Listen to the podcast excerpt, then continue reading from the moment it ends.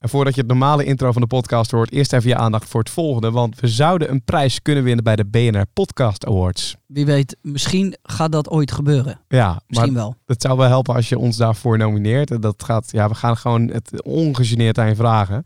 Zo zijn we ook wel weer. Uh, podcastawards.nl slash nomineren. Dus podcastawards.nl slash nomineren. Vul je even bij, wat is de naam van je favoriete podcast? Uiteraard Day One Podcast in. En de categorie, ja, je mag hem zelf kiezen, maar je kan ook gaan voor lifestyle, maatschappij en gezondheid. Dan kun je daar selecteren. En dan eh, hopen we dat we binnenkort tussen de shortlist staan. Ja, het zou echt leuk zijn als mensen dat vanuit de podcast gaan doen, maar ik geloof er geen bal van. Jij gelooft niet dat de mensen gaan stemmen nu? Ik zou het wel hard vinden, maar ik heb dit zelf echt nog nooit gedaan. Nee? Nee, nee, ik denk ook niet dat het gaat werken. Nou, Maar ik zou bewijs, het dan heel het leuk te- vinden. bewijs het tegendeel dan aan, eh, aan JJ door even naar podcastawards.nl slash nomineren te gaan. En dan gaan we nu beginnen met het originele intro zoals je dat van ons gewend bent. Eindelijk. Welkom en tof dat jullie allemaal weer kijken naar Day One. Ik hou wel echt, echt van deze auto. Ik ben er echt heel blij mee. Je moet niet onderschatten, dit is niet alleen maar lol maken. Het kost ook kracht. Ik heb hem nog nooit zo hard op zijn staart getrapt, zo op mijn banden. Het was voor mij ook de eerste keer dat ik een- nou, zo'n persoonlijk liedje release. 28 kilo. Dat zijn we niet veel. Maar we zijn los hoor.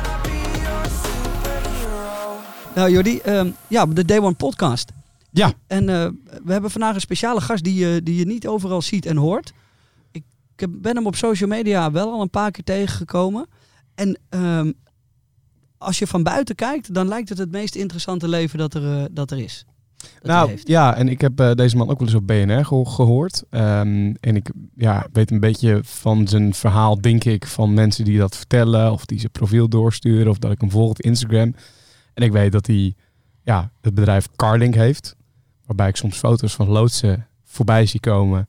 Waar ik als een klein kind dolgelukkig van word. Als ik daartussen zou staan in zo'n loods met zoveel fantastische wagens. Die En- groter zijn dan mijn ego. die groter zijn dan jouw eigen. Nou, dan moet je een grote, grote wagen hebben. Ehm, en, eh, en ik weet dat hij ook eh, iets met ja, Deventure, een bedrijf doet. Met, met defensievoertuigen en dergelijke. En heel veel weet ik ook weer eigenlijk niet.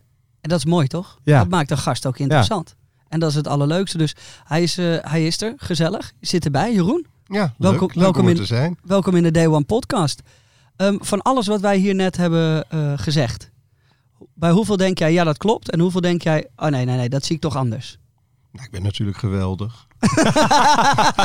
maar het is meer dan mijn uiterlijk alleen. Ja. Nee, eh, wat klopt ervan? Ik weet het niet, dat gaan we zo meteen denk ik uitvinden. Ja, want als, we, als jij jezelf zou omschrijven, hoe zou je dat dan doen? Wat, eh, wat zou je dan zeggen?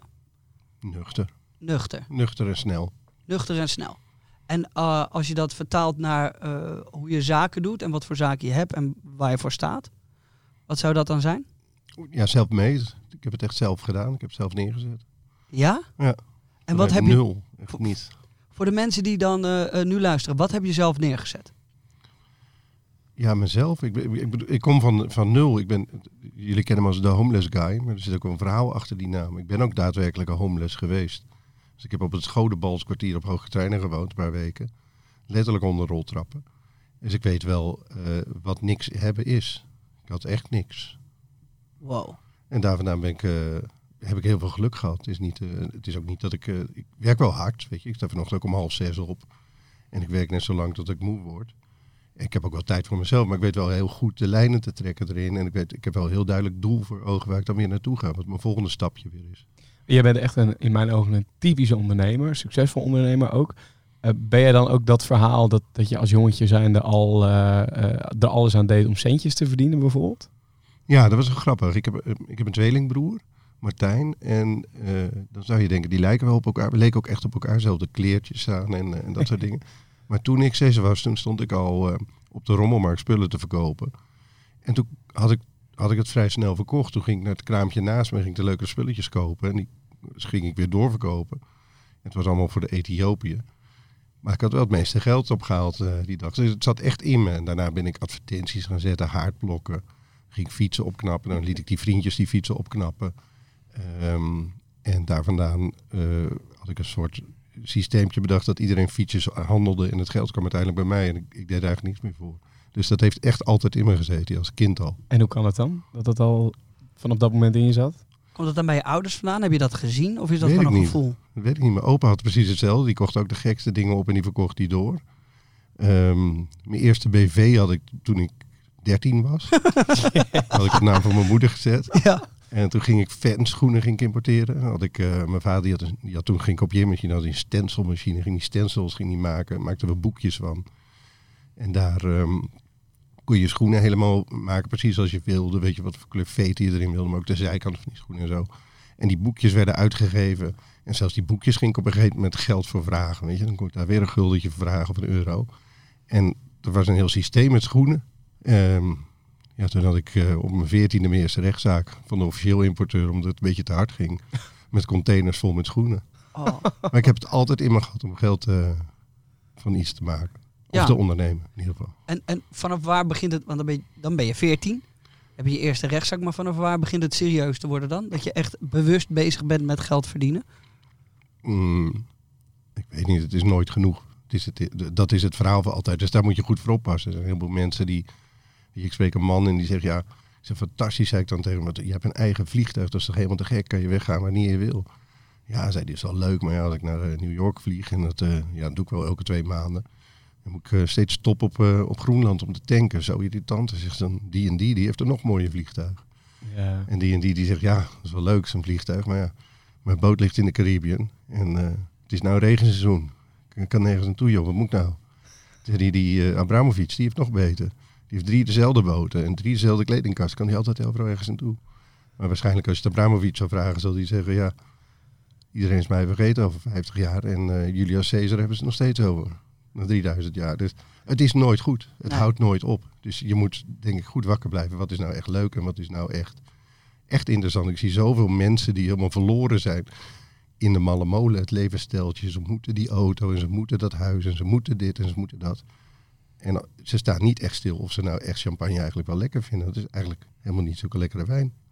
Nee, ja. ja nu is wijn met prik. Ja, en nu je het zegt, ja, ik ga gewoon eerlijk zijn. Ik denk dat ik er ook wel zo eentje af en toe ben, of misschien wel gewoon echt ben. Dat je me daar toch wel in mee laat slepen. En ik denk dat er een hoop mensen dat hebben die ook dit luisteren. Want zit het ook niet gewoon een beetje in de natuur van de mens, denk je? Dat, dat, dat je altijd meer wil en dat je altijd op zoek bent naar meer? Ja, ik denk het wel. Mensen zijn volgers. Dus die, willen, die, gaan, die gaan met de buiten mee. Is nog zo'n mooi verhaal, is er.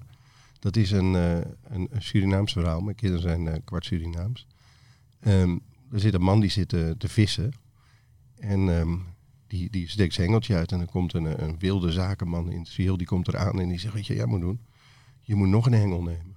Ja, zegt die man, waarom dan? Hij ligt daar lekker. Hij zegt, als je nog een hengel neemt, dan pak je twee keer zoveel vis. Dan verkoop je die andere helft van de vis.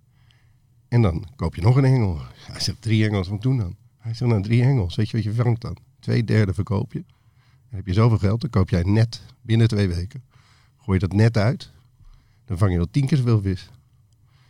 Oh, zegt die man, "Eh, leuk. En dan? Hij zegt, en dan? En dan? Dan ga je een boot kopen, vriend. Dan ga je het midden van het meer. Dan vang je zo verschrikkelijk veel vis.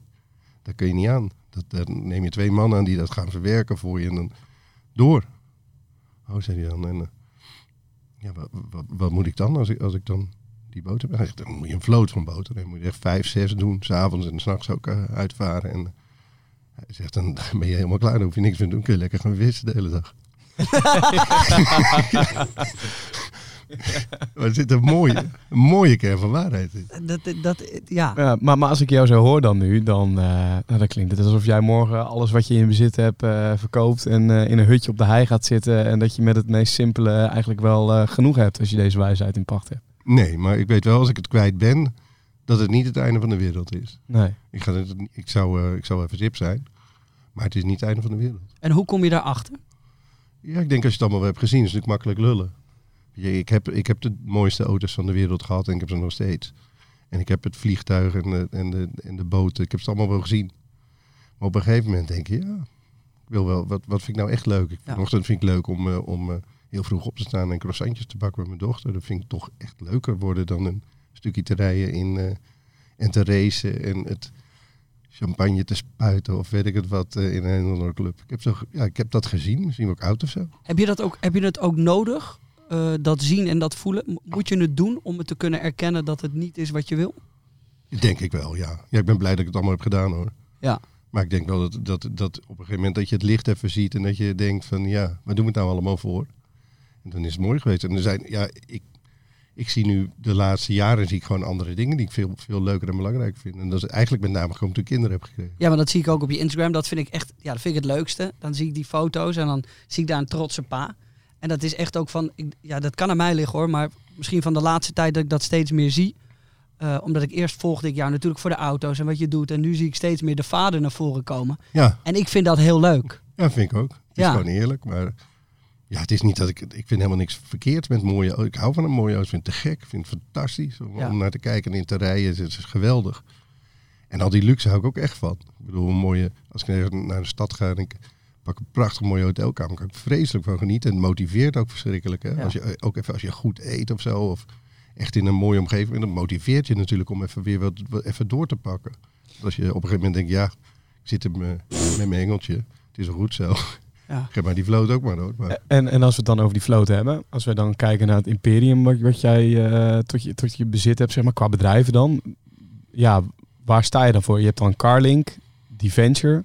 Mhm. Ehm, maar als we dan bijvoorbeeld met Carlink beginnen, want volgens mij is dat wel jouw grootste bedrijf en hetgene waar je het meest mee bezig bent, denk ik. nee, Of niet? kleinst. Oh, echt? Het kleinst? nee, Oh. niet het kleinst. Ik heb wel allemaal kleine deelnemertjes, maar Ja, eh, nee, die Venture en Voltic zijn groter. echt? Oh. Wat is dat allemaal dan? Zou je het eens kort kunnen uitleggen? Voltic was een, eh, dat was een, eh, dat waren een paar lagere schoolvrienden van mij. En die zeiden, ja, we werken nu in de, in de zonne-energie. De een werkte bij de bank en de andere die werkte bij een groot pensioenfonds. En weer een ander die werkte eh, voor een grote investeerder. En die heb ik bij elkaar gebracht. Die heb ik wat geld gegeven. En daarmee zijn ze eh, advies gaan geven. Tien jaar geleden al op zonne- en windenergie.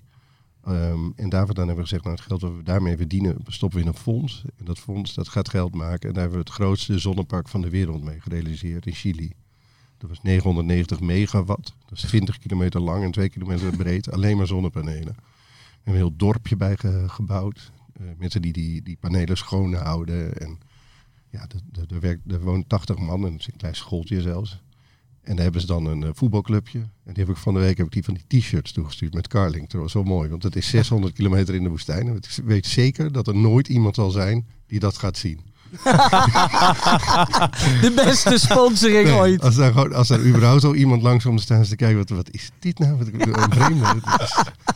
Ja, dus Ja, een zandweg van 600 kilometer. Ja. zo had ik er nog niet eens over Vond ik nagedacht. nou heel leuk. Ja, oké. Ehm, dat is volgt dat eh, zonne-energie, windenergie.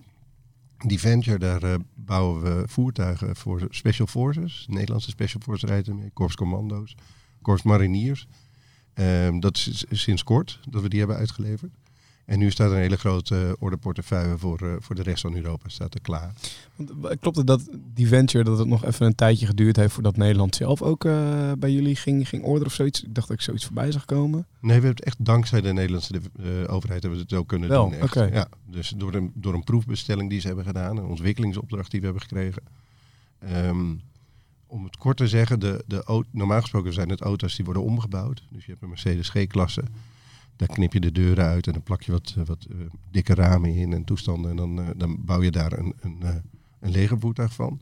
En we hebben echt zitten kijken, wat is nou het, het, het probleem? Dus wat, wat, wat moet je met die auto van A naar B? Vaak is het gewoon van A naar A rijden, want je rijdt je, je rondje en, Ja. en je gaat kijken wat er verder allemaal aan de hand is. Het grootste probleem dat er was, dat was de bermbom. En de bermbom, dat is heel simpel, wat ik nu ga zeggen, maar zo simpel was het ook. De bermbom kom je tegen langs de weg. Dus je moet een auto hebben die niet over de weg gaat. Dan kom je ook geen bermbom tegen. Nou, dan moet je die wel even zien te maken. Want als je, wacht heel even.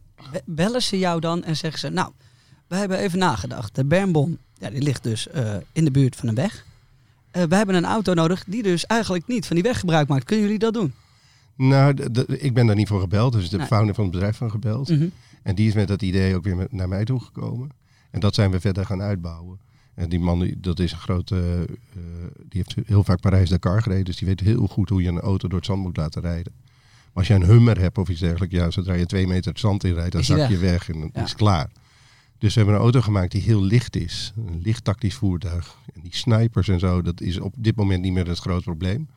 Eh, want eh, vaak wordt er maar wat rondgeschoten en dat, dat hou je niet. Maar die auto's zijn een soort commandocentrumpjes met drones en zo. Je moet allemaal beeldschermen in hebben. Je moet eh, een hele grote antenne op het dak kunnen zetten. Dus al die dingen hebben we naast elkaar gezet. En, en er moet een Europallet achterin kunnen. Dat is een andere afmeting dan een gewone personenauto heeft. En er moet precies in een Chinook helikopter passen. Een CH-47. Dus hij mag maximaal 1,90 meter breed zijn. En dan moet je ook kabelpunten hebben, dat je hem heel snel onder de helikopter kan hoeken. En dan moet die helikopter niet uit balans raken. Dus als je dat allemaal op rij zet, dan kun je gewoon, daar kun je iets van maken, daar kun je iets van bakken. En dan moet je niet een bestaand product, moet je maar een beetje gaan ombouwen. Nee, moeten we hier wat gewicht, jongens? Nee, moeten we hier, dat werkt niet. Je moet gewoon helemaal van de bodem beginnen. En het is een absurd functioneel voertuig. Het is ook niet het mooiste voertuig wat er is. Maar eh, het werkt. Tot nu toe zijn de, de testen die we hebben gedaan, en, eh, en we zijn nu bij andere landen aan het testen. Ja, daar staan ze, moet je je voorstellen, zo'n groot Duits merk. Die staat er met een heel team klaar. Met, met eh, om de wielen eraf te schroeven en de motor te koelen en de, de banden te heaten. Ja, wij komen gewoon over de weg aan. Ja. En dan eh, met twee man. En, en eh, ja, dan knallen we die baan over en zijn we ver uit te snel. Dus het is ook niet van, nou, dan ben je iets sneller. Nee, dan ben je, wij zijn gewoon ver het beste, omdat we overal wegkomen. We komen nooit vast te zitten. En die auto's zijn veel te zwaar. En Maar, maar hoe kan het dan dat, dat, dat jullie die, voor, voor, vooralsnog, wat ik weet dan zeg maar, volgens mij geen ervaring hebben met überhaupt een auto bouwen, toch? Ja, wel met rallyauto's bouwen. Rally- En, en gewoon omdat we toch bij zo'n heel groot bedrijf, dan kom je in een hele logge organisatie. En dat heb je bijvoorbeeld bij, bij een eh, McLaren, die hebben ook, eh, die gaan, zelfs McLaren, wat dan een klein merk is, die hebben ook gewoon een eigen dingetje lazante buiten de fabriek, waar ze al die dingetjes gaan uitvinden. Dat is sneller. Daar ga je veel beter dan dat je door alle formulieren heen moet. Heel simpel, wij moeten een eh, draagkracht hebben van 1900 kilo op de auto. Ja, wat doen we? We zetten een weegschaaltje voor de auto en allemaal even in het bakje, jongen. Dus dan staan we daar lekker te- voor de coronatijd trouwens. en dan staan we daar alle met z'n allen. Ja, en als dat bij zo'n groot bedrijf gebeurt, Moet allemaal officieel. ja, dat moet heel officieel. Dan gaan ze naar een, eh, eh, naar een speciaal bedrijf wat, eh, wat de kilo's heeft afgewogen en speciale dingen erin. En ja, daar zijn ze een paar weken mee bezig. En wij doen het even een half uurtje. Dus we kunnen veel sneller schakelen. Maar ergens gaat het dan, want als je dan zo'n order krijgt straks, Ja. eh, dat zal voor heel veel van dit soort eh, wagens zijn, Ja. daar ben je best wel druk mee, dan word je toch ook zo'n log bedrijf. Nou, we, we, we blij- ik wil heel graag een uitvindersbedrijf blijven. Dus we willen die slimme dingen bedenken. We hebben, eh, een, eh, we hebben een aantal uitvindingen ook op die auto gedaan. Dat- omdat we gingen kijken, we gingen ook mee we- we- met, met missies naar Mali en zo. Echt kijken wat er nou echt aan de hand is. En dan kom je erachter dat die jongens, ja, dan, ja jongens, eind van de dag gaan we pannetjes gaan we neerzetten. Gaan we lekker koken. En dan zetten ze de laadklep naar beneden. Maar ja, dan moeten ze even stok hebben om hem recht te zetten. En dan, eh, want anders valt hij om. En dan moeten ze even een verlengsnoer hebben naar voren, want daar zit een stroomaansluiting. Dus oké, wij zitten dan op te schrijven. Klepje recht houden, eh antigrip erop, dat het eh, niet gaat glijden, het pannetje. En wat ook wel handig is, is om daar een stroomaansluiting te hebben. En dat, dan kun je dus heel snel schakelen. Voordat het bij zo'n groot bedrijf is, dan moeten er 28 vergaderingen zijn gehouden. En er zijn hele kleine dingen door echt vanuit de gebruiker te denken, waardoor het heel snel kan gaan. Dus jij gaat zo meteen bewust voor een, voor een bedrijf dat lean, mean en sneller is en echt op de ontwikkeling zit, in plaats van we gaan die productie groots aanvoeren eh, en we maken er een, een Nee, hele gaan- grote multinational van. Ik denk dat we eerder licenties zullen uitgeven om de auto te bouwen aan autofabrieken, want die zijn er zat. En er zijn ook een hoop autofabrieken die, Ja. die eh, leeg gaan. Eh, en, en hun lekker die auto laten bouwen. Want het is gewoon een simpel bouwpakket. 240 uur werken. Ehm, ja, je hebt een, een halletje en een lier nodig. En de onderdelen bij elkaar. En je zet hem heel simpel in elkaar. Je vertelt het alsof het allemaal binnen een weekje is gebeurd. Nee, jaartje, jaartje of zes, zeven zijn we er wel mee bezig. En het is natuurlijk ook hartstikke moeilijk om allemaal te doen. En we Ja, precies. ongelooflijk slimme, slimme mensen zitten. Die, eh, die, die echt letterlijk met een bedje naast hun, hun, eh, bureau bezig zijn om dingen voor elkaar te krijgen. Dat is echt fantastisch. En dan, en dan, dan heb je dus Voltex benoemd, je hebt dan eh Deventure benoemd, maar je hebt dan dus ook nog Carlink. Ja, die is sexy hè, met al die dure auto's. Ja, dat, dat, dat, dat, dat is wat iedereen ziet. dat is wat iedereen ook, eh, iedereen ook, ziet, ook ziet. Is dat de eerste onderneming geweest? Ja, dat, Ja? Zelf, eh, dat was mijn eerste eh, echte bedrijf. Nou, ik, ik heb jou een keer het verhaal horen vertellen, maar ik vind het verhaal hierachter nog steeds fantastisch. Hoe het begon hè. Ja, want jij bent gewoon eigenlijk door heel... Nee, je, je, je werkte bij een autodealer, toch? En toen, Ja, ik werkte bij Saab. Ja. En dan was ik autoverkoper. En dan, eh, ja, dan ging ik elke dag naar mijn werk. En op een gegeven moment kwam... Ik heb gewoon ongelooflijke mazzel gehad. En enthousiasme ook. En er kwam een man, die kwam binnen en die zei, spreekt u Engels? Ja, ja. Hij zei, ik wil graag een auto met een rechtsstuur. Eh, sorry, rechts sturen. Ja, sturen aan de andere kant. Oh, ik ben in Londen op vakantie geweest. Heb ik gezien. Die sturen zit aan de andere kant al, helemaal wereldvreemd. Zei hij, nou weet je, dan, ehm, dan, dan moet je met die auto kunnen leveren. Ik zei, nou, dat staat niet in de prijslijst. Ik weet niet of dat kan krijgen. En zei hij, wel. Ik ben namelijk eh, advocaat en jij bent verplicht mij deze auto te leveren voor de Nederlandse prijs. Oh, nou dan gaan we bellen. Dus ik belde de importeur op en die zei, nou dat is een beetje raar verhaal dit. Zei man, oké, dankjewel. Dan krijg je een brief van mij. En die brief die moet je even inleveren bij je importeur. En dan gaan we daar verder kijken hoe het gaat. Ik vond het wel leuk eigenlijk. Ik vond het wel een leuk, spannend eh, spel. En toen belde die, die importeur op en zei, ja, we moeten die man inderdaad die auto leveren. Eh, zet hem maar in het systeem. We maken zelf even rechts zo stuurt dat verhaal. Maken we straks wel even af. Maar eh, hou dit alsjeblieft stil. Ja, dan dacht ik, hé, hey, dat is interessant. Ja. ja. Dat het echt stil moet houden, dat is natuurlijk wel leuk. En toen kwam die man een paar weken later kwam die, die auto ophalen. En toen zei hij, ja, ik heb, ehm, hij had geloof ik 28% bespaard op de auto. En normaal was de dealermarge was van ons was- was 14%. En dan kreeg je als klant, als leasemaatschappij, als je het echt heel veel kocht, kreeg je 6% korting. Ja, dat was niet zo heel ingewikkeld natuurlijk. Dus als je op het moment dat je die auto's inkoopt, op die manier, dan bespaar je dat al. Ja, dus het was een consumentenrecht, want Ja. het was een veiligheidsaspect. Iemand met een rechtsgestuurde auto in een, rechts, eh, in een linksgestuurde land rijdt veiliger. Met inhalen is dat, heb je beter zicht. Het is gewoon veel veiliger om te doen. En dat was met stekkers ook zo. Met de telefoon moest je gewoon die andere stekker ook erbij kunnen leveren en zo. Dus eh, dat werd interessant. Dus toen dacht ik, eh, nou, dan ga ik maar zo'n advertentietje plaatsen. En dat was toen in de faxlijn tijd. Dus ik naar de... ehm, naar, naar de naar- ik, had, ik ging weg bij Saab. Toen kreeg ik wat geld mee. Ik, geloof, ik kreeg 40.000 gulden mee. Toen heb ik een, ehm, dat is ongeveer eh ja, 15.000 tot 20.000 euro. Toen heb ik als eerste een Jeep Cherokee gekocht. Dat was heel belangrijk. Een grote ook met alle ja, veel opties. Waarom was dat belangrijk? Maar dat weet ik niet, maar ik vond het wel mooi. nou, toen had ik nog een, eh, een oude Apple computer, die heb ik aangesloten. Was zo'n zo'n bolletje was dat toen. En toen, ehm, ehm, niet dat ik die gebruikte, want het ging allemaal op papier. Dus ik had allemaal formulieren. Ja. Je had niet echt websites of zo in die tijd. En ik had een fax gekocht. En die fax, eh, ja, die zit- een kleine advertentie. Je kwam uit in de Engelse krant. En het was echt een speurdertje, weet je. Zo'n heel klein advertentie, Ja. wat je in, het, in een dagblad ziet. En toen, ja, toen ontplofte het. Toen- Maar dat was gewoon een advertentie met eh, een, in een krant in Engeland. in Engeland. ook. Met van hier in Nederland kun je die auto importeren voor minder geld. Ja, zonder logo's, gewoon alleen maar lettertjes eh, en, een, eh, en een faxnummer als je interesse had en een telefoonnummer. Maar het telefoonnummer dat ging niet, want het was, het was zo idioot druk. Dus die hebben we maar op een antwoordapparaat gezet. En van, ga maar faxen. En die fax die ging non-stop altijd door, non-stop. En toen heb ik nog een tweede fax gekocht daarnaast. En een splitter ertussen dat er twee keer zoveel faxen binnenkomen. En dat, dat, dat, ging, dat stopte niet meer. Dat was in, Het is een beetje een verhaal maand- van de hengel. de hengel. Ja, nee, het stopte niet meer. Ik, ik stond letterlijk stond ik in de kroeg. Ja. En eh, dan zei ik, eh, ja Jeroen, eh, wil je nog wat drinken? Ja, momentje, ik ga even naar huis. Papier bijvullen en dan ben ik er zo weer. Dan moest ik echt het papier in de fax proppen weer. En dan, s ochtends vroeg, dan stond ik op en dan ging ik de bestellingen uitzoeken. Ja, de- de- ik, ik verkocht honderden auto's op een dag en dat was niet te stoppen. Dus ik was in één keer, was ik ook, had ik, in één keer had ik even geld. Want ik liet al die mensen liet ik aanbetalen.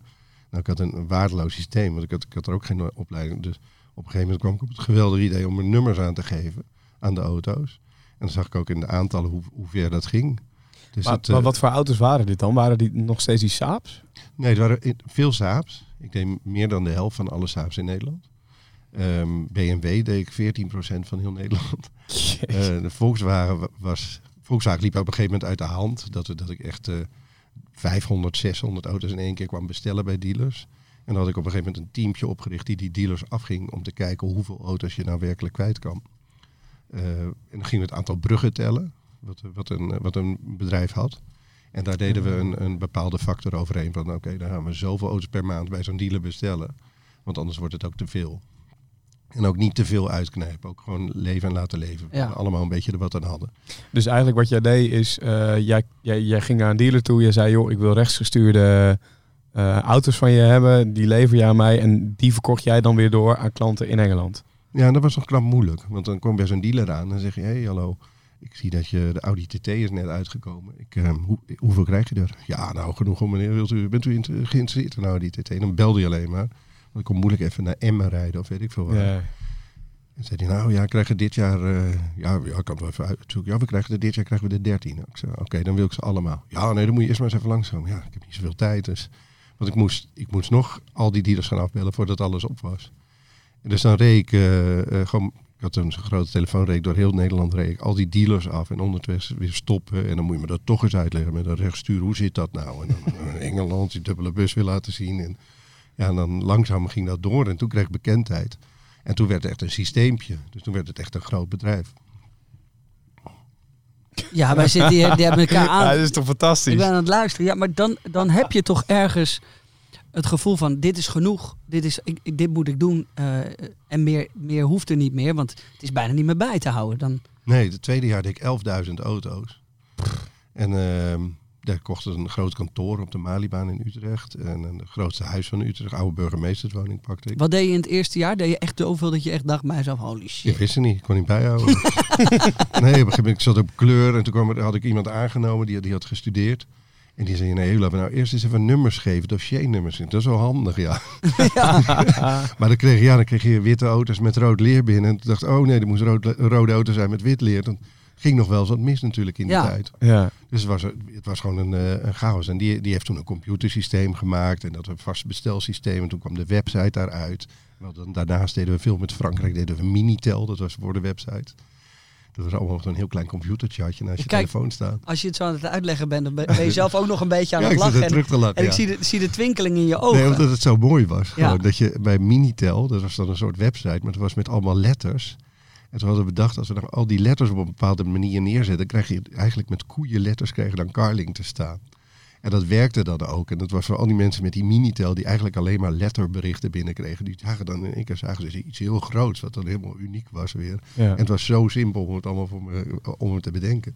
Maar dat, dat is ook wel eens flink misgegaan, toch? Ja, ja toen, dan wil je meer en dan wil je dus eh, een net Te veel. en een boot. En toen deed ik, tweede jaar deed ik 11.000 auto's. Dus dat, is- dat is een paar honderd miljoen omzet. Wat, wat niet meer bij te... En ik, ik had dan 30 man op kantoor zitten. En het, eh, ja, het was fantastisch. Maar ja, dan ging ik weer. Ik kreeg, kreeg, toen kreeg ik een soort eh, overvloed. Weet je, ik had het grote huis, ik had de boot. Ik had eh, de, letterlijk de Ferrari, Lamborghini en de Porsche op een rijtje staan.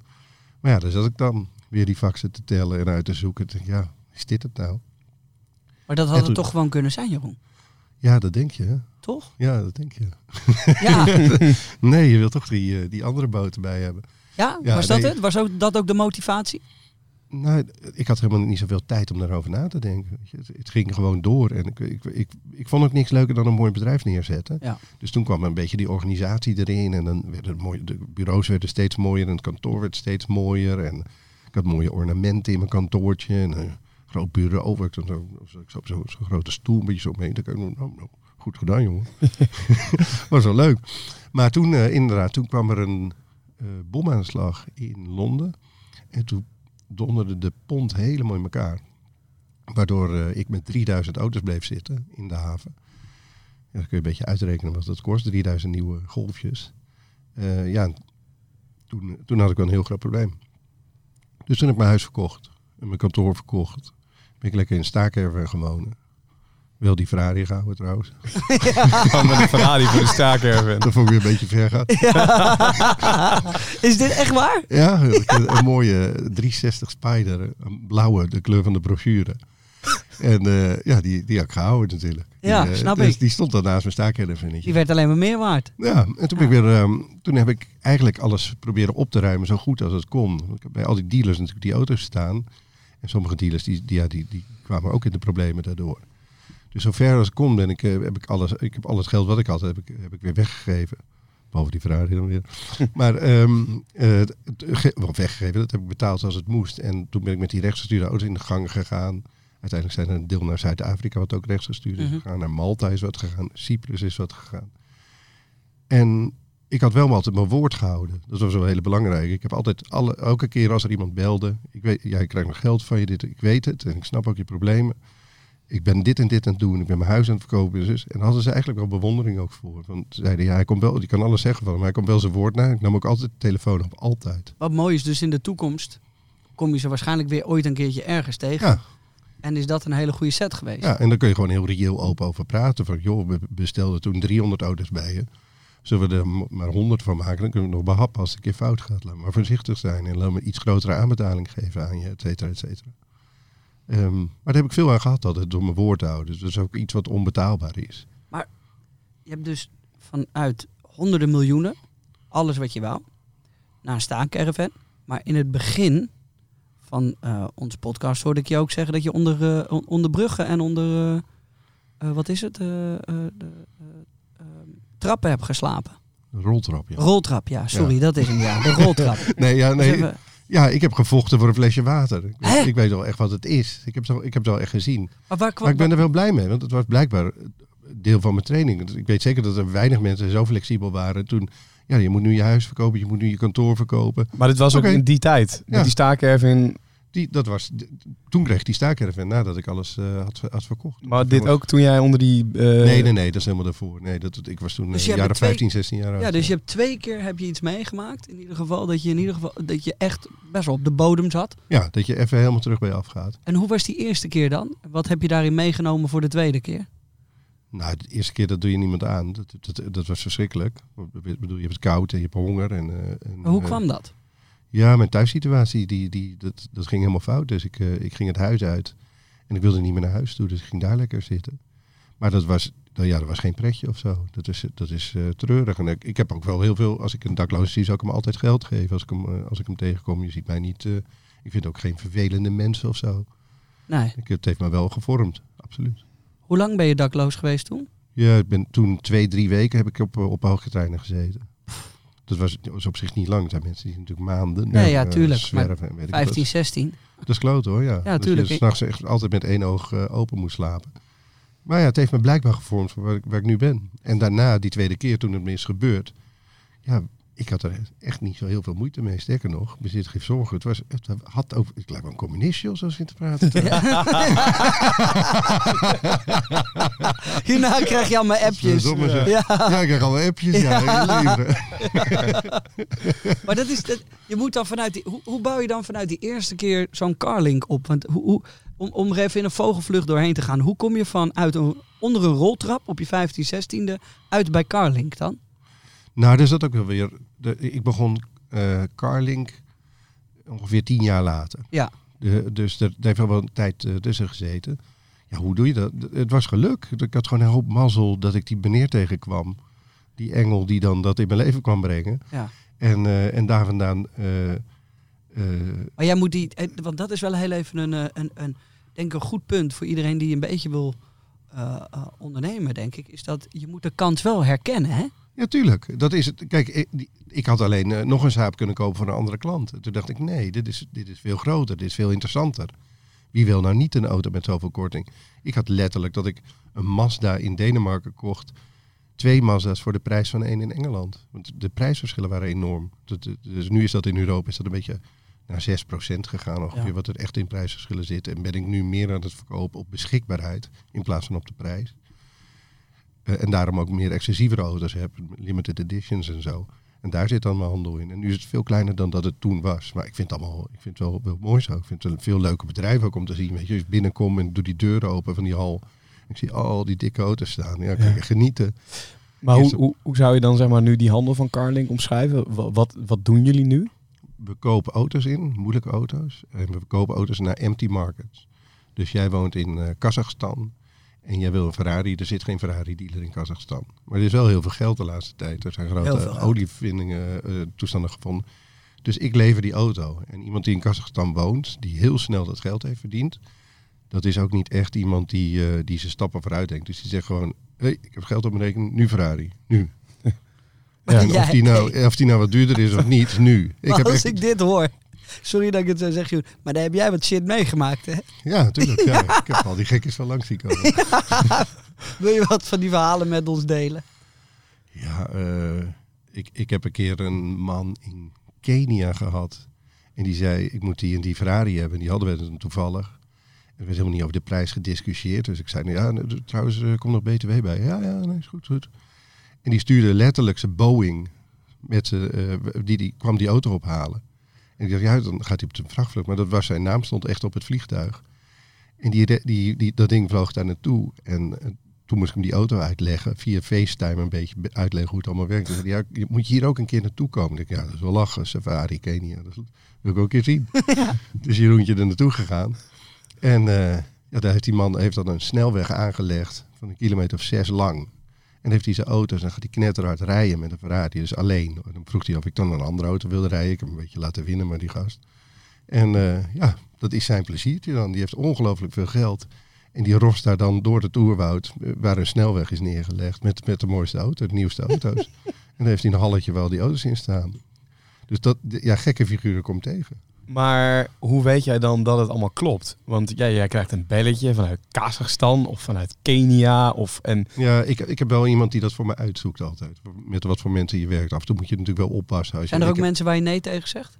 Ja, zeker weten. Absoluut. Ja? Ja, Als, wij, als wij mensen uit bepaalde landen krijgen. Als iemand uit Rusland belt, dan krijgt hij auto bij ons. Nee. en waarom? Rusland dan specifiek? Nou, dat zijn allemaal sancties. Dus, eh, Ja. Miramar of... eh, ik had er pas eentje. Dat was, ook wel, dat was ook wel mooi.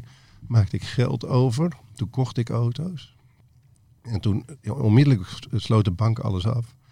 En er stond... eh, oh ja, we- dan, dan maak je het geld over en dan minus eh, transport damage. En toen paste dat niet allemaal op die lettertjes van de bank. Dus ik kort dat af. Min trans dama. En onmiddellijk werden alle bankrekeningen afgesloten. En de mensen van, eh, van de bank die kwamen naartoe. U moet er nu zitten. Wat is er aan de hand? En wat heb je nou gedaan? Je maakt hier geld over. En eh, toen dachten zij dat het ehm, eh, minis- ministerie van Transport in Damascus. Dus ik kreeg zo'n hele ondervraging.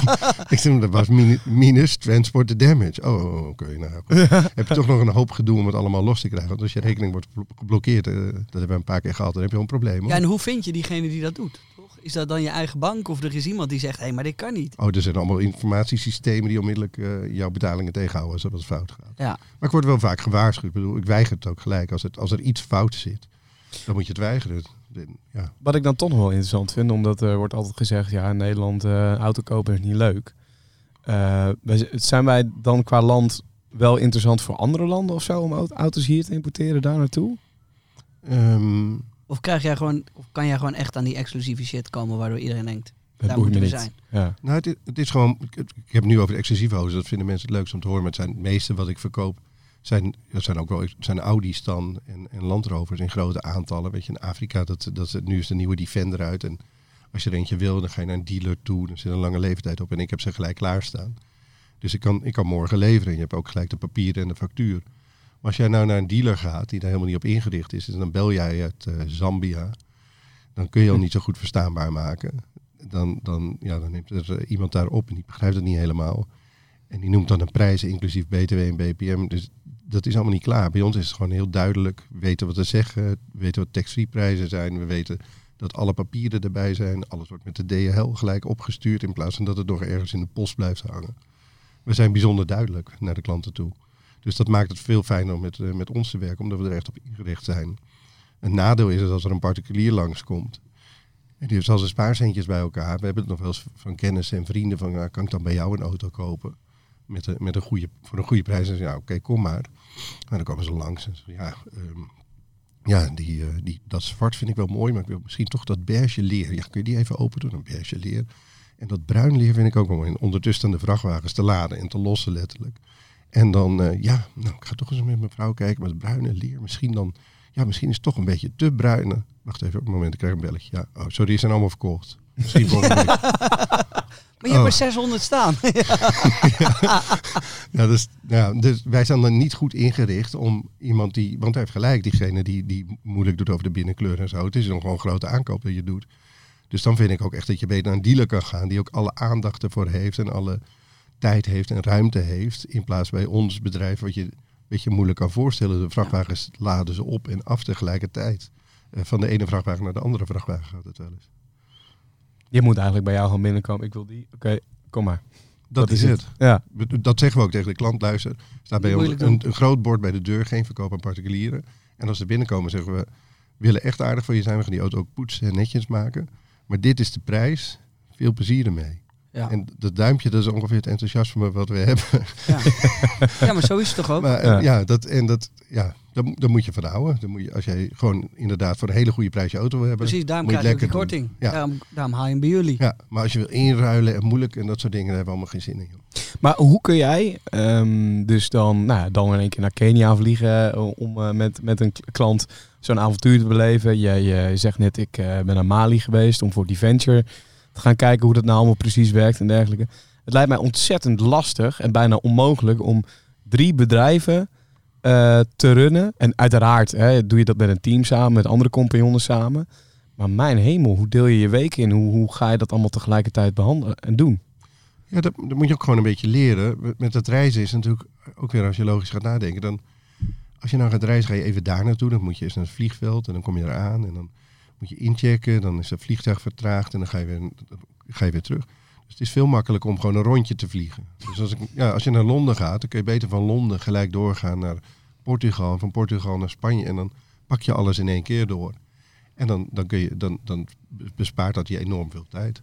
Maar het is wel heel belangrijk dat je gelijk weg kan. Dat je heel snel weg kan. Ik heb wel eens deals, dan- moet ik echt diezelfde middag daar zijn. En dan heb ik mijn tasje, ik heb altijd mijn tasje klaarstaan. Dan vlieg ik er naartoe. En dan, dan moet ik gewoon die auto's bekijken voordat ik, eh, Ja. dat ik roep wat ik ervoor geef. Want het zijn grote bedragen waar het om gaat.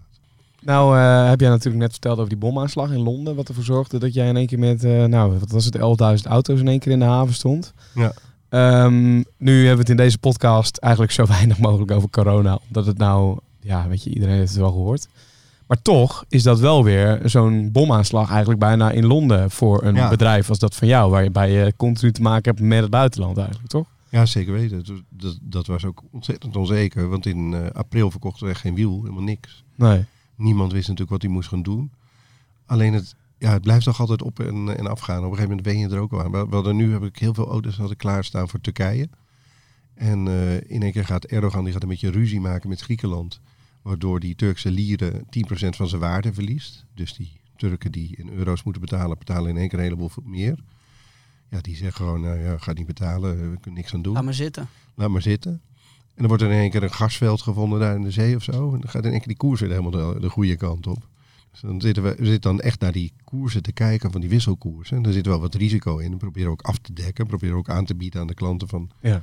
dek dat nou af. Want eh, ja, dat, dat zijn risico's. Maar ze zijn dit keer wel te overzien. Weet je, als ze het niet, niet nemen. Ik kan, als ik auto's van China koop, dan moet ik alleen maar witte auto's nemen met rood leer en geen navigatie. Want dat werkt er toch niet. En de frequenties op de radio zijn ook anders. We werken hier van, van 92 naar, eh, dat weten jullie veel beter. Dan Eh, 107, 108, Ja. 109, zoiets. En als je in Japan of, of iets dergelijks gaat, dan zit je bij 110 begint het en dat gaat door eh, naar, naar Ja. hele andere frequenties. Dus die radio's en zo, dat, dat werkt allemaal niet. Nu is met digitalisering is wat makkelijker geworden. Maar je moet heel goed opletten. Elke auto is ook weer anders. En je moet je voorstellen, een BMW X5 met, eh, in Zweden heeft een ander waterreservoir voor, voor ehm, de Vanwege raam de schoon te maken. dan. Dan een Spaanse, want er zijn veel meer vliegjes die op je raam komen. Zo, ja. En, en met de kou inderdaad ook te maken. En ook de verwarming, preheaten van een auto. Maar ook, ehm, eh, ehm, ja, zijn, zo zijn er van bijvoorbeeld die X5 zijn er wel zes verschillende configuraties. Een 3 liter X5 in België is niet dezelfde 3 liter X5 in Nederland. Want in België moet je boven de 3 liter, en het is 3001, moet je hoge belasting betalen. En in Nederland is dat niet zo. Dus dan kun je hem beter in België, kun je hem op 2997 zetten. En het is echt niet dezelfde motor. Het is echt een kleinere motor. En op die manier kun je dan weer een betere auto krijgen. Maar in sommige landen, dan koop je even wat auto's in. denk je, oh mooi, die kan ik mooi verkopen in Turkije. Want alles onder de 3 liter is eh, super interessant daar. ja. En dan krijg je, krijg je de papieren binnen. Oh oh, 3001. Oh. Dus Maar- dat, dat leer je met de tijd wel. Ik ga geen, rode, ik ga geen witte auto's met rode leer bestellen Nee. zonder navigatie. Dus als er nu een Chinees komt en zegt, ja, we kopen ze, maar met navigatie moet je ze bestellen. Ja, maar dat doe ik niet. Nou, jammer voor je. Dit is de auto. Zo gaan we hem bestellen en anders niet. Dus je moet, je moet dan daar ben je wel een paar leren. keer echt hard op je bek mee gegaan, denk ik. Ja. Ik zag even een stukje van je ziel verdwijnen. Ja. ja, dan eindig je uiteindelijk zelf met zo'n auto. Moet je daar maar mee rijden. Dan rij je weer met zo'n... Oh, Jeroen, leuk, wat gewaagd zeg. Eh, ja, zeg jij even hoe ik moet rijden.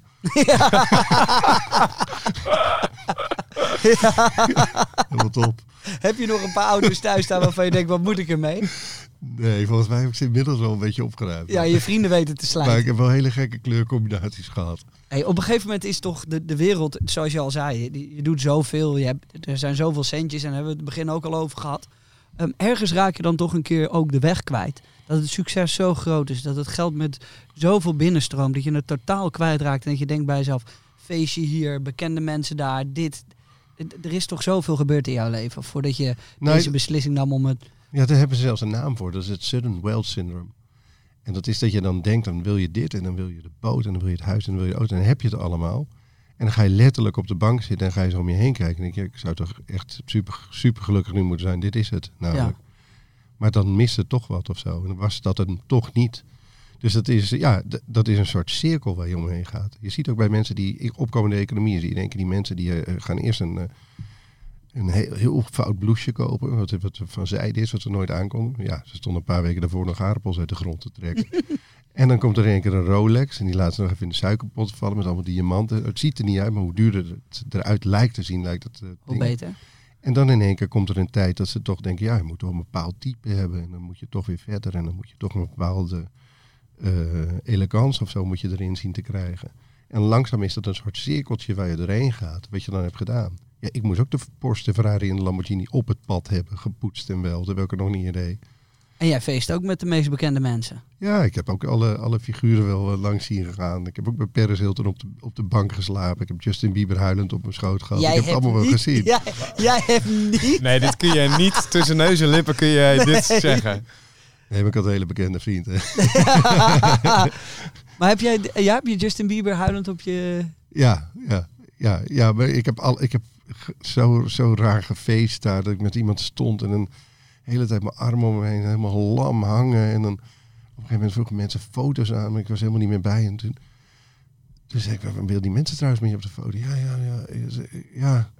En op een gegeven moment zei iemand, hey Sonny.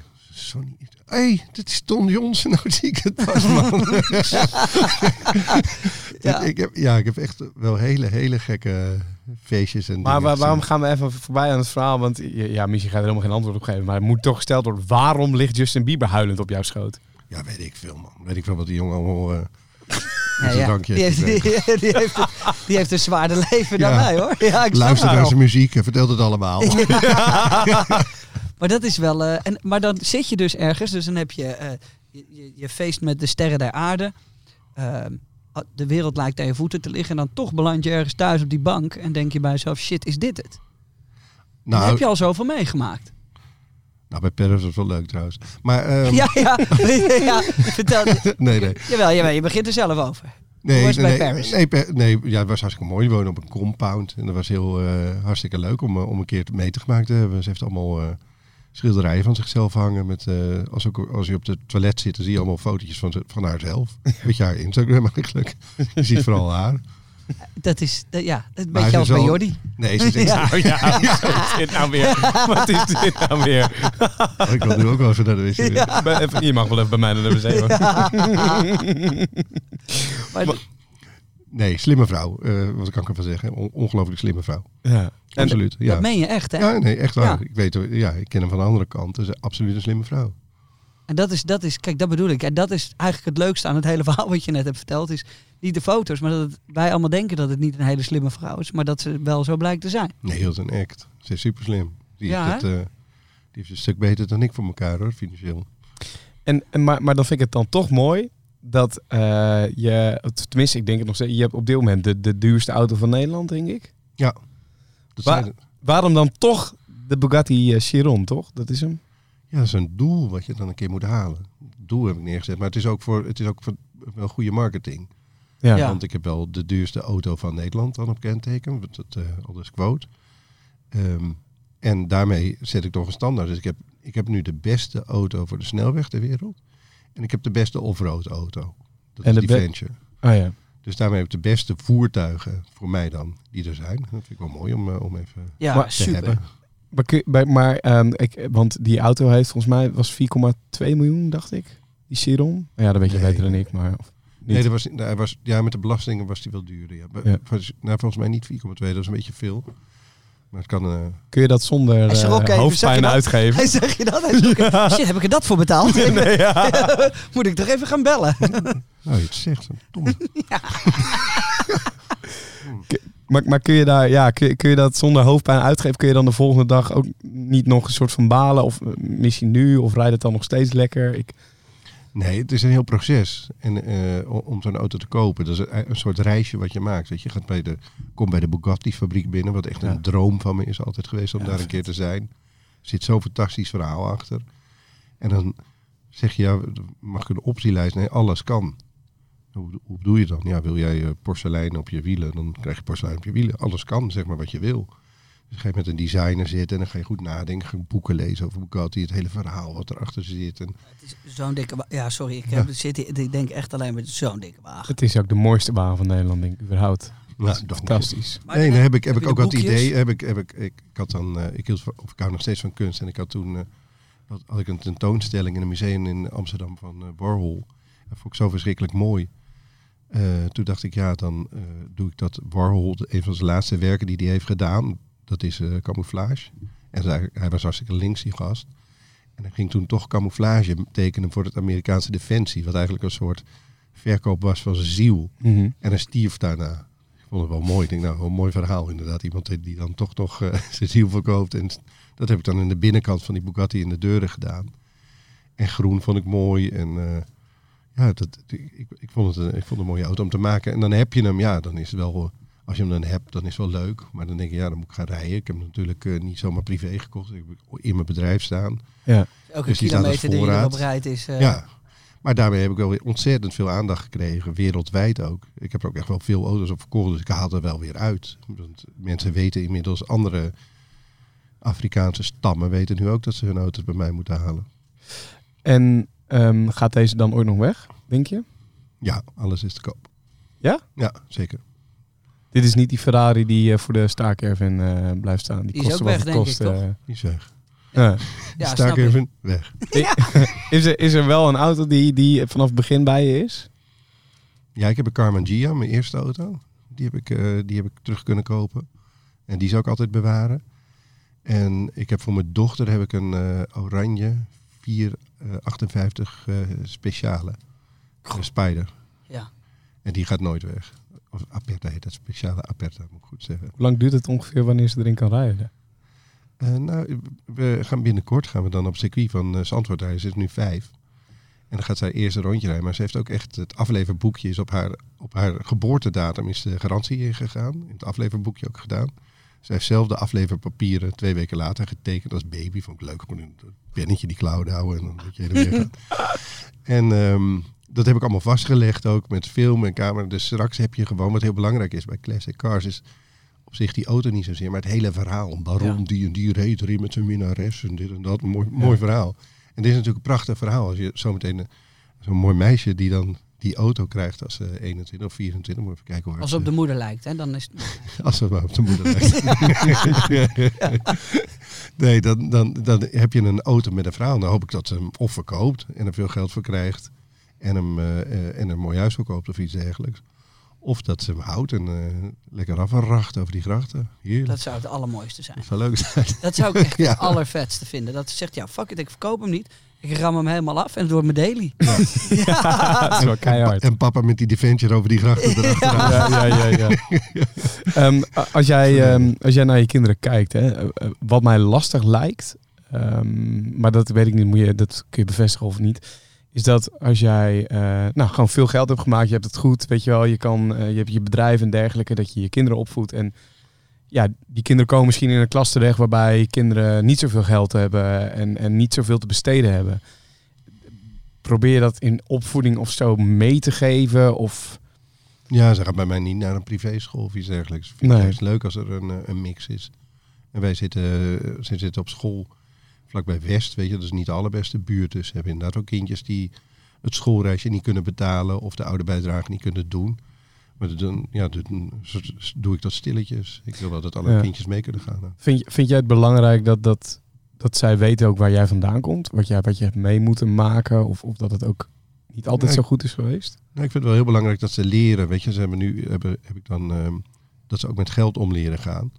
En dan had ik zo'n houten huisje gekocht met een schommel en een glijbaan. En dat hebben we dan opgezet. Heb ik gezegd dat ik het zelf heb gedaan, omdat ze toch bij de moeder waren die week. en, en dan krijg je wat meer respect voor mij. Denk ik, papa is handig. Heeft het huis ook zelf gebouwd. Waar ze in wonen. Ja, ja, ja.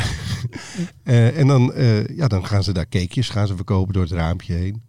En dan eh, hebben, ze dat, eh, hebben ze dan lekker wat centjes. En dan de volgende dag vol verwachting gaan ze naar de snoepwinkel. Hebben ze een belastingaanslag in het brievenbusje van het huisje gekregen. Echt? Dus dan moeten ze weer een euro moeten ze afstaan. Dat is het echte leven. Ja, Ja, ja. zo hoort het erbij. Helemaal huilen en onterecht. Ja. Dat had ik En ook wat- bij mijn eerste aanslag. Wat ga jij echt anders doen als vader dan wat jouw vader deed of jouw ouders deden? Nou, ik wil er echt voor ze zijn. Weet je, er is geen moment, als, als, als mijn kindjes bellen, dan neem ik op. Ook nu of al zit ik in een live tv-uitzending, ik neem gewoon altijd op. En soms zit- pas zat ik in een hele grote vergadering en allemaal mensen druk. En dan zeg ik, sorry jongens, zijn mijn kinderen, neem altijd op. Spijt me, bam. En dan, dat, dat gaat gewoon voor. Ik zal altijd, zal ik voor ze opnemen. Het maakt niet uit wat en dan gaat het al, wil ze weten waar haar, eh, haar pop ligt of, of weet ik veel wat. Het interesseert me niet. Ik vind dat gewoon veruit het belangrijkste.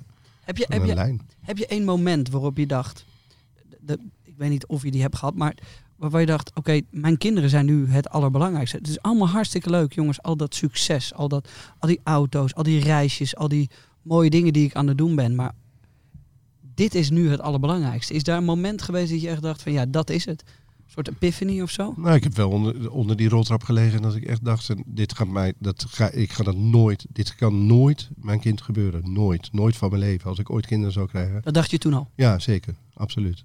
Ik zou ook nooit iemand het toewensen om hard, zo hard eh, opgevoed te worden. Dat heeft geen zin. Dat, dat slaat helemaal nergens op. Daardoor heb ik een andere. Soms denk ik wel eens, je. In die tijd dacht ik, dat- toen ik met Carling net was begonnen, heel veel geld had verdiend. Dan, dan was ik zo druk, had ik weinig tijd ook voor vriendschappen. en. En Dan liep ik letterlijk ergens langs een huis en zo. En dan stopte ik even, als ik naar binnen, zijn ze allemaal de voice te kijken. Of iets dergelijks. En ik ken het hele programma niet, altijd aan het werk. En dan is een zak chips op de buik. Denk je, hoe leuk is dit eigenlijk wel niet? Wat is nou leuker? Is dat nou misschien wel leuker? En heb je toen een, ook een bewuste beslissing genomen om minder te gaan doen? Nee. Nee, nee, Nee. dat is moeilijk hè? Nee, ik ga niet minder doen. Nee. Maar ik heb wel, toen ik mijn kinderen heb gekregen, dat is nu vijf jaar geleden.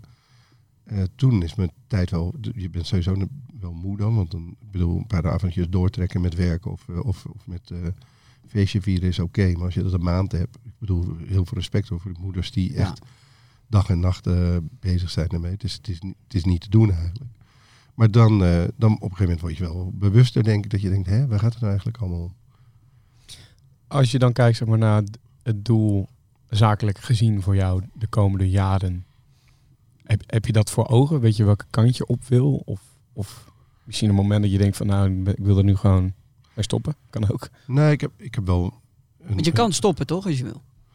Nee, net niet altijd op. Ik kan, kan niet nu zo opstappen en klaar. Dus dat, dat, mijn mijn rekening staat niet vol met geld. Alles, al het geld dat ik heb, heb ik al dubbel uitgegeven.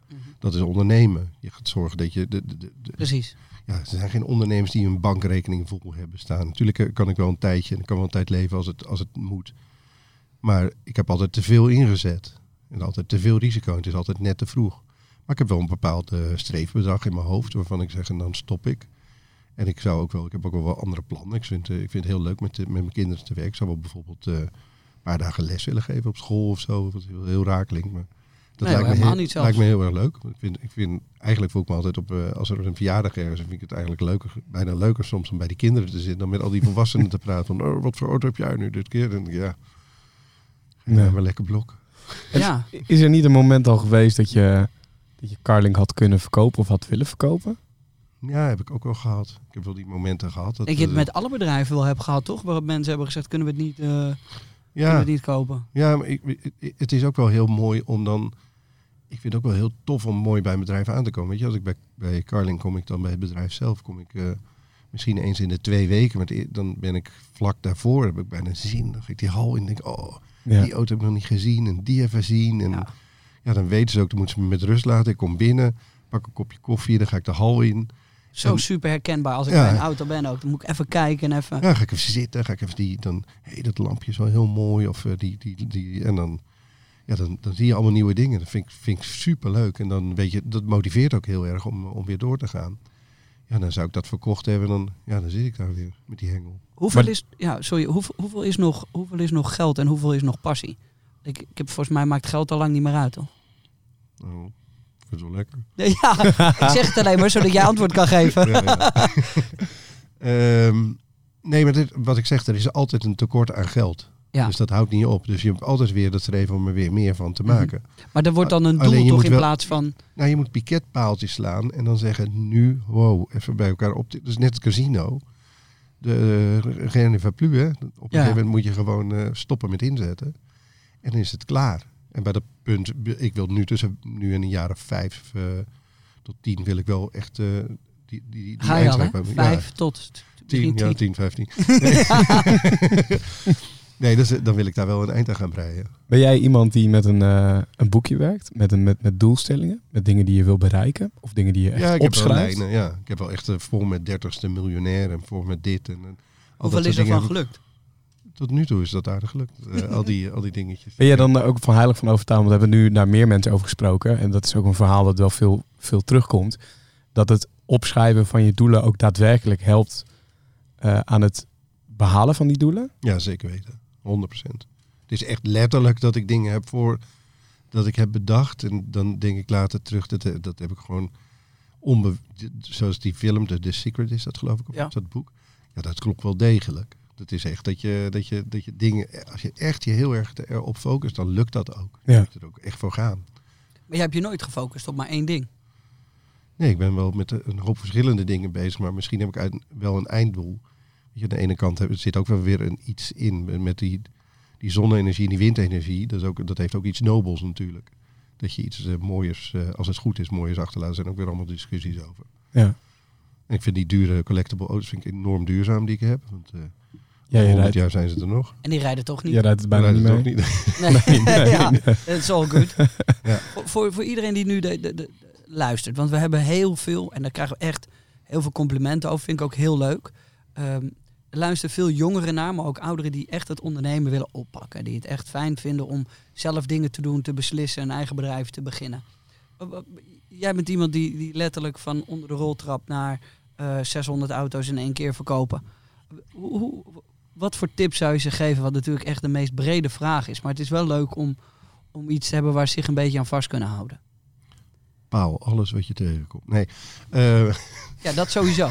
Maar dat, dat is het eerste advies in de podcast waar ik sowieso mee eens ben. Even in laten werken. Maar, eh, ja, nee. daar ben ik het sowieso mee eens. wat plat. Nee. Eh, nee, kom je afspraken daar. Gewoon als je, het is allemaal niet zo, als je gewoon heel eerlijk bent en heel duidelijk bent en je afspraken nakomt naar mensen, dan, dan komt het meestal wel goed, vind ik.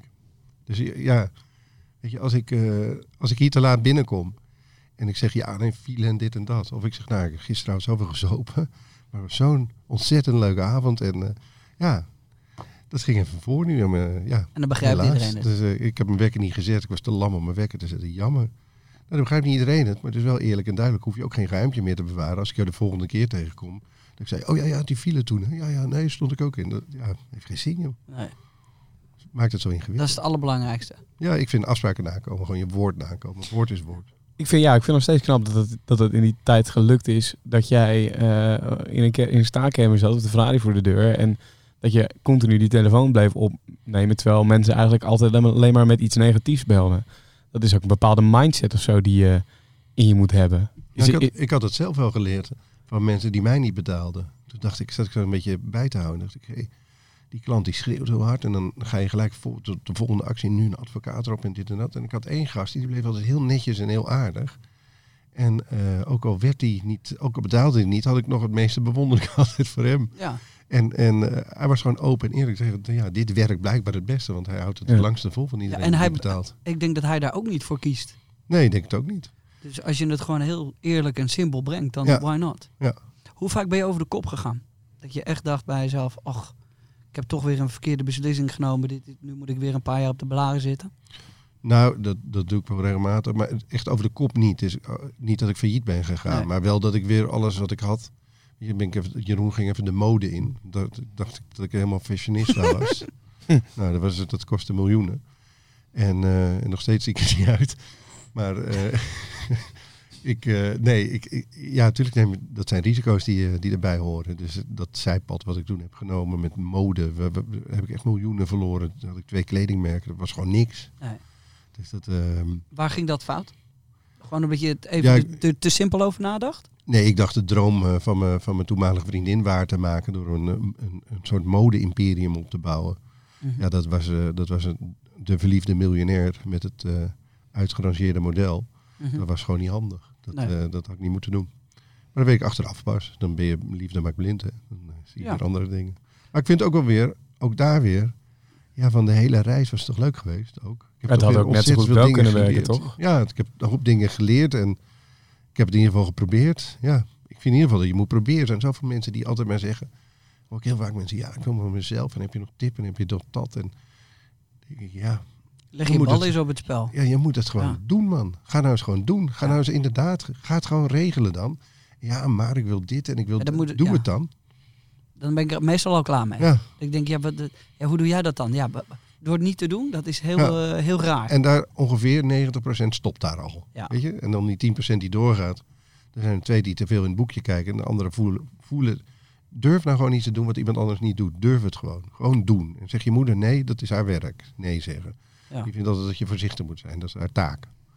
Dit is wel, dit is wel wat, wat eigenlijk bij iedere ondernemer terugkomt. Dus gewoon scheid hebben, gewoon doen, niet, niet te veel nadenken. En gewoon eh, ervoor gaan als je ergens voor wil gaan. Denk Dat ik. vind ik wel, eh, dat vind ik wel vet. Ja. Ik denk dat het in basis sowieso belangrijk is dat je het gewoon gaat doen. Want anders gebeurt het gewoon echt niet. Nee. En ik denk dat dat iets is dat. En, en, en ehm, eh, elke ervaring, hoe negatief die ook is. En dat is. Dat, dat doe ik nu meer meenemen uit. We hebben vorige week ook een eh, goede vriend van mij gehad uit. eh, die heeft een kledingmerk heet In Gold We Trust. Die heeft ook. Ja, die heeft met zijn, eh, met zijn honden onder, ook onder een brug geslapen, twee weken lang. En ehm, dat geen tegenslag te groot is om het nog steeds te kunnen maken. Nee. En dat, dat echt alles kan gebeuren, maar dat het morgen weer heel anders kan zijn of overmorgen. En ik denk dat dat heel belangrijk is, dat je daar rekening mee moet houden. Dat het niet voor eeuwig is wat je dan overkomt. Nee, absoluut. Nee, positief zijn inderdaad. Het mooiste eruit halen. Heb Oh, jij, ja. en op jouw leeftijd, wat, wat is dan nu nog? eh, want dat klinkt, ik ben 34, joh, die is een stukje jonger. Eh, hoe heb je dat ooit ingedeeld qua eh, levensjaren? Wanneer dacht je, nou, ik moet nu dit doen, ik moet nu dat doen? Ik ben 34, ik voel me oud in de wereld waarin ik zit. Maar is dat oud? En wanneer dacht jij bij jezelf, oh, het valt eigenlijk allemaal wel mee? Nou, ik vind het met de jaren wel leuker worden. Ik vind elk jaar leuker worden tot nu toe. En dat is niet of zo dat ik meer... Op een gegeven moment met de leeftijd ga je ook weer andere dingen leuker vinden. Ga je ook eh, in één keer andere... eh, vind je in één keer bepaalde wijn lekker die je nooit lekker vond. Omdat Nee. je bier dronk. Dus ik vind, ik vind het leuker. En mijn interesses gaan ook dieper met, eh, met kunst. En met cultuur vind ik het leuker worden. Ja, ik vind het... Ik vind het... Ik vind het Heb je je hebt niet echt een plan of zo. Dat je zegt, nou, dat is dit mijn plan. Ik heb wel doelstellingen, piketpauze van dat bedrag, dat wil ik dan hebben. En dan wil ik zoveel tijd hebben. Dat zijn nu mijn- twee dingen. Ik heb een bepaald bedrag wat ik wil hebben. En een bepaald aantal uren wat ik, eh, wat ik wil gaan spenderen aan werken. En, en waar staat dat bedrag dan? eh, hoe, heb je dat bedrag bepaald? Is het dat bedrag om, nou weet ik veel, eh, overal in je bedrijf uh, kiet te staan of zo? Geen idee, ik weet niet. Nee, ik wil deze levensstandaard vasthouden. Ja, En, en inderdaad zorgeloos kunnen zijn. En ook voor mijn naasten kunnen zorgen als er, als er een keer een probleem is. En daar heb ik een bepaald bedrag voor in mijn hoofd. Daar Ja. zit ik wel om- van al mijn schulden af, al mijn hypotheken, alles. Alles wil ik gewoon rond hebben. En dan wil ik een x bedrag per maand binnenkrijgen. En that's it. En hoe doe je dat dan, eh, eh, hoe doe je dat eh, neerzetten? Is dat iets wat je zelf bedenkt? Ja, gewoon rekenen. Ja. Gewoon uitrekenen, gewoon een Excelletje maken. Holy shit. ben je goed in rekenen eigenlijk? bedenk ik me nu? Ja, Want dat, dat is bijvoorbeeld een ding wat bij mij totaal niet eh, erin zit. Echt, echt rekenen, echt dingen. be- eh, maar ben jij dat bijvoorbeeld? Heeft je dat heel veel geholpen? Misschien heb je dat over de jaren geleerd. ik denk, het, ik denk wel dat ik goed kan rekenen. Ja. Ik Ja. kan wel goed vooruitdenken en schakelen. En dan rekening houden met transportkosten en belastingen. En, en, en, en tijdfactor erop gooien en dat soort dingen. Dat, Ja, want, ja, want je partners zullen ook ergens gezegd hebben, nou Jeroen, die hebben we echt nodig. Dat hoop ik. Ja, ja. dus dan zou je, wa- waar, waar zou jij, dat is nog iets wat in me opkomt. Ehm, als, als jouw partners jou eh, zouden moeten beschrijven, waarom hebben ze jou nodig? Of waarom heb je hun... Snap je wat ik bedoel? Waar, Nou, waar ik ben je goed snelheid met dat schakelen. Dat, een hoop mensen zullen niet zomaar nu, als ik nu een berichtje krijg, je moet nu naar eh, Zuid-Afrika. Dan uh, oké, dan ga ik. Weet je, ik denk daar niet eens over na. Ik ga gewoon. Ik ga niet, oh, nou, ik moet malaria prik hebben. Ik moet dit, ik moet dat. Nee, gewoon gaan. Ja. dan weer. En dan kunnen, ze, kunnen een hoop mensen kunnen dat niet zomaar. Eh, plus dat ik ook wel ver vooruit kan denken. Ik ben wel een schaker om al die bordjes hoog te houden. Kan ik wel een aantal stappen naar voren denken. Eh, en dan snel beslissen. En, en met de juiste mensen om tafel komen. Ik heb, ik heb wel eens gehad dat ik gewoon ergens naartoe ga en dan... eh, ja, ik, ik, heb, eh, ik wil met die meneer een afspraak. Nee, dat kan niet. Die heeft daar geen tijd voor. Oké, dat is goed. Dan ga ik gewoon naartoe. Ga ik gewoon naar de secretaresse toe. Zeg, ik wil met die meneer spreken. Zeg, Nee, dat kan niet. Want eh, u heeft toen toch ook gebeld. Ja, ja, weet ik, maar ik wil hem graag even spreken. Maar dat gaat niet, meneer. U moet echt een afspraak maken. En hij zit helemaal vol. Ik zeg, Zo kan het niet. Oké, dan ga ik hier even zitten. En op een gegeven moment komt hij echt wel een keer tevoorschijn. En zegt, Ja, wat is dit nou? Wat kom jij nou doen, man? Ja, en het werkt wel zo. Gewoon doen. Ja. Nou, dat snelle schakelen herken ik eigenlijk wel al vanochtend, of vanmiddag toen je hier, eh, hier kwam. Ik, wij, wij hebben wel eens gasten hier, die, eh, die moeten we van links naar rechts leiden en die parkeerplaats naar die toe en dat. en dan hoop je dat ze op tijd zijn en dan sta je buiten te kijken, waar is die? En eigenlijk ik kreeg jou heel chill aan de telefoon. Ik had jou bericht, berichtje gestuurd met waar, waar je moest zijn en dergelijke. En ik zei, ah, heb je het kunnen vinden? Ja, oh, sta er gewoon geparkeerd. Ja, gaat goed. Ja. mezelf. Ja, het is eigenlijk gewoon, is, het, is ook heel simpel, maar ja, dat is wel dat snelle schakelen. Gewoon al geparkeerd staan op tijd. Die, nou, Nee, top, ik had- super. Ik had vorig weekend had ik er ook eentje. Dan moest ik naar Bergheisen in Duitsland. En eh zei ik tegen die man, ik zeg, ja, ik zeg, weet je wat, ik kom morgen naar je toe. Want dit schiet eigenlijk niet op. Momentje, ik, kijk heel eventjes. Ik zeg, oké, zie ik je morgenochtend om tien uur in het hotel. En die zei, ja, dan geloofde het gewoon. Die belde om half Nee. tien. Ja, ik had je gisteren aan de lijn, maar eh, je zei dat je hier naartoe kwam. Wil je nu verder praten? Ik begreep niet helemaal. Ik zei, nee, ik zit bij je om de hoek. In het hotel, kom even langs nu. Dan kunnen we het verder uitpraten. Dan zit je twee, drie uur te praten. En dan, ja, dan, dan weer door. Ja. ja, fantastisch. Heerlijk. Ja, ik vond het echt een heel tof gesprek. Het, ook Ik alles ook. wat ik ervan verwacht had en van gehoopt had, denk ik. Ik ook. En hebben we nog niet, er is nog zoveel wat je zou kunnen Ja. bespreken. Dan hebben we het nog niet gehad over de auto's die aan de bekende Nederlanders leeft. Als bijvoorbeeld Leeuw Kleine. Ja, Jorik, ja. Ja, Dat, dat is het enige wat ik nog wil weten. Is dat in iemand die wel belt en zegt ik wil meteen die auto en die rijdt weer weg? Nou, die dat denkt- daar net iets meer eh, tijd voor neemt? Die, die denkt wel heel goed na over, eh, over het Ja, geld dat hij uitgeeft. Dat eh, ook weer dat je denkt dat staat hij alleen maar geld te spuiten met champagne. ja, hij weet precies wat hij Absoluut niet. Een heel Nee. slim jongetje. Of jongetje, meneer. Ja. Die denkt lang vooruit. En ik ken hem al heel erg lang. Ik ken hem al sinds hij 14, 15 was. Eh, want ik heb ook nog een keer een nachtclub gehad. Daar kwam hij wel eens langs. En, ook op eh, 14, 15 was hij toen ja, toen kwam die, ja, Ja, ja. via de achterdeur kwam hij dan eh, stiekem naar binnen. Ja, ik vind het een fantastisch mannetje. Ja, absoluut. Geweldig. En die, maar die denkt goed na over zijn auto. Hij heeft één auto eh, nu al een hele tijd. En eh, dat is maar beter ook, want dan schrijf je behoorlijk op af. Ja. Ja. Maar eventjes. En het is wel een dikke wagen, eerlijk is eerlijk. Ja. Heeft hij goed gedaan. G63. Ja, die, is, die eh, nu gerapt is bij, eh, in. Rotterdam, toch? Bij Absoluut. Ja, Ja. zeker. Die is wit nu. Wat, wat, heb je nog een droomauto die jij eh, gewild wil hebben? Of, of Ja, een zwarte Enzo. Oh ja, dit heb ik wel eens voorbij zien komen. Ja, Ja, Is die, is die, maar eh, is die er nog niet omdat die niet te vinden is? Of Nee, ik heb nu betere investeringen. En ik moet meer, eh, zeker in deze tijd, is, zijn andere dingen nu belangrijker. En dat ding is gewoon een pure luxe. En dan wil ik eerst wel wat andere dingen hebben gedaan voordat ik zoiets zou kopen. en blijft, is dat dan de auto die voor altijd blijft? Nee.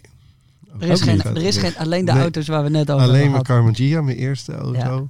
En de auto van mijn dochter. En verder is alles, alles te koop. Absoluut. En dat, dat Ja. blijft ook zo. Als er morgen iemand veel geld voor mijn huis biedt, is het ook weg. Snap ik. Mogen wij, eh, mag ik zo brutaal zijn om je een keer uitnodigen voor ronde 2? Ja, tuurlijk. Leuk. Omdat ik denk dat er nog zoveel te bepraten is en zoveel te bespreken en de wereld ook zo snel verandert. Ehm, en ik denk dat er. eh, kijk, we kunnen natuurlijk over een hoop hebben, maar het- je leert zoveel van dit soort gesprekken. Wij zijn natuurlijk nog jonge jongens die het eh, leven willen uitvinden. En ik geloof dat wat wij in de podcast doen, dat een hoop mensen daar ook echt eh, inspiratie uit halen. Maar het ook gewoon heel vet vinden om de verhalen te horen. Nou, ik vind het leuk om te doen.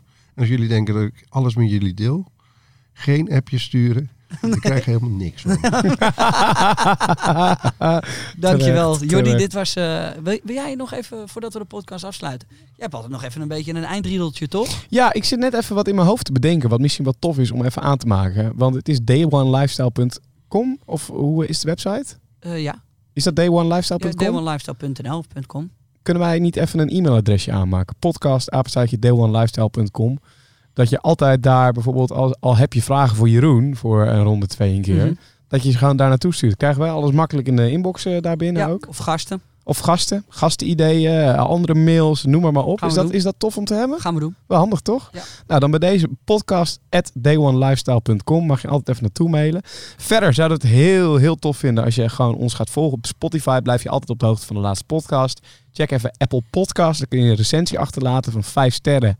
Minder kan op een of andere manier. Is heel. Nee, vijf sterren. Als je dat niet doet, dan kom ik je echt opzoeken met een knokploeg. Ja, zullen we En nog wel even, zal ik dan nog wel even één of twee erbij pakken? Want dat is dan wel zo sympathiek om te doen. Hè? Ja, ja. Die interactie. En eh, mochten mensen nog naar andere podcasts willen luisteren, dat kan ook. We hebben van Kraantje Papi tot Erik Frenzel, de eigenaar van eh In Gold We Trust, ondernemen en gewoon goede verhalen. Check het even. Ook eh, trouwens die van Giel met eh, Talpa, de Talpa deal, was ook heel leuk. Ja, ja zeker. Eh, hier komt binnen. Hoi, ik ben Tijmen, ben al jullie podcasten al geluisterd. En ik wil heel graag dat levensverhaal van Bernard ten Brinke over Dakar en zijn Ferraris horen. Ook een Milan die zegt, ben zelf 15, ook aan het beginnen met ondernemen. Ben erg geïnspireerd door de podcast, leer daarvan. Toman die zegt, hey gasten, echt een toffe podcast. Vind het heerlijk om op mijn werk te luisteren. En ben alle afleveringen aan het terugluisteren. Het luistert zo lekker weg. Dat zegt MB Styler.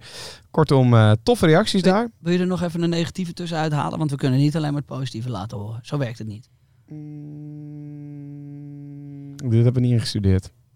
ja, daarom is het het allerleukste. Nou, nee, ja, iemand heeft één ster gegeven en de titel is aandacht trekken. En daar staat bij Jay maak een oldtimer video op day one. Nou, dat vind ik best wel een goed idee trouwens. Ja, Oldtimer dus die video. eh, heb je genoteerd bij deze? Kan altijd nog, hè? Ja, ja, ja. Oké, Jordi, dankjewel. Dit was Dus de... dat. En, en vergeet niet te stemmen hè, op eh, de BNR Podcast Awards. Dus als je naar podcastawards.nl gaat, kun je ons daar nomineren voor eh, een eh, podcast award. Dat zou tof zijn. Ja, dat zou echt leuk zijn. Hebben we nu echt wel een rondje gehad, Jeroen? Want Ja, jij, dan ben je- jij nog je Instagram promoten? Dat kan ook gewoon hoor. At, at the homeless guy, toch? De homeless guy, Ja. dat ben ik. Ja, dat is hem. Dus jongens, eh volg ons overal. Dank jullie wel voor het luisteren. Dit was de Day One podcast. Eh, wij hebben genoten. Ik hoop jullie ook. En tot de volgende week. Buitengewoon absurd. Je merkt, ik geen reet aan in deze aflevering. Heerlijk. Tabé. Tabé.